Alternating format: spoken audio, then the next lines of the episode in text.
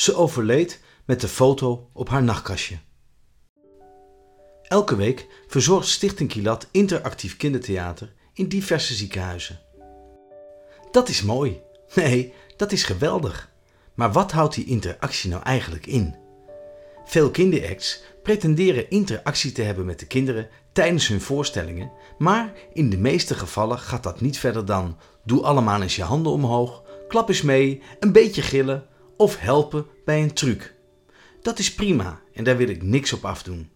Maar wij streven naar meer. Bij het schrijven van de eigen voorstellingen van Stichting Gilat, en dan gaat het om de voorstellingen met Max en Jet, wordt direct rekening gehouden met de interactie die we graag willen zien tussen de kinderen en de acteurs. Het is een essentieel onderdeel van de voorstellingen van Stichting Gilat. De acteurs moeten daar waar mogelijk is een stapje terug doen om de zieke kinderen tijdens de voorstelling zoveel mogelijk te laten shinen. Daar worden onze acteurs op getraind en daar worden onze voorstellingen op geschreven. Het kan zelfs gebeuren dat een kind de rol van Max of Jet overneemt. En dat is voor ons het hoogst haalbare.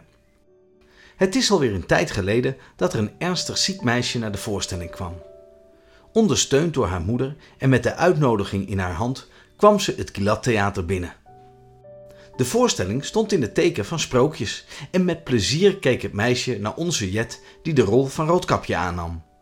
Ze vond het geweldig en moest ontzettend lachen en deed alle gebaren van Jet na.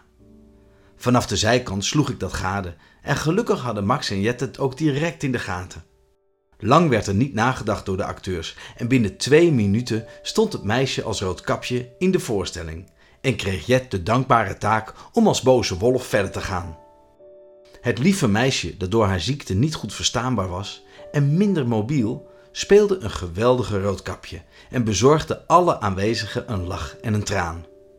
Ze ging zelfs zo op in haar rol dat het verhaal een hele andere wending kreeg en Roodkapjes grootmoeder uiteindelijk de boze wolf opat.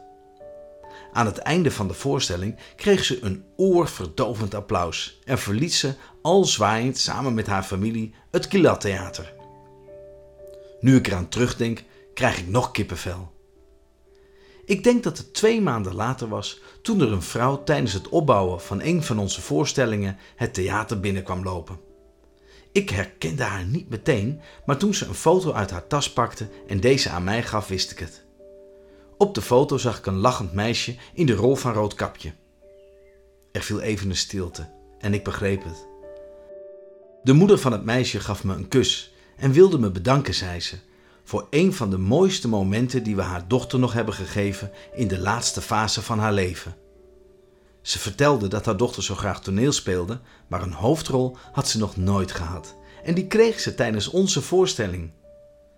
Het meisje is twee weken na deze voorstelling overleden, met op haar nachtkastje de foto van zichzelf in de hoofdrol als roodkapje. Een hoofdrol in een prachtig sprookje, maar dit keer helaas zonder en ze leefde nog lang en gelukkig. De foto ging weer zorgvuldig in de tas van de vrouw en we namen afscheid.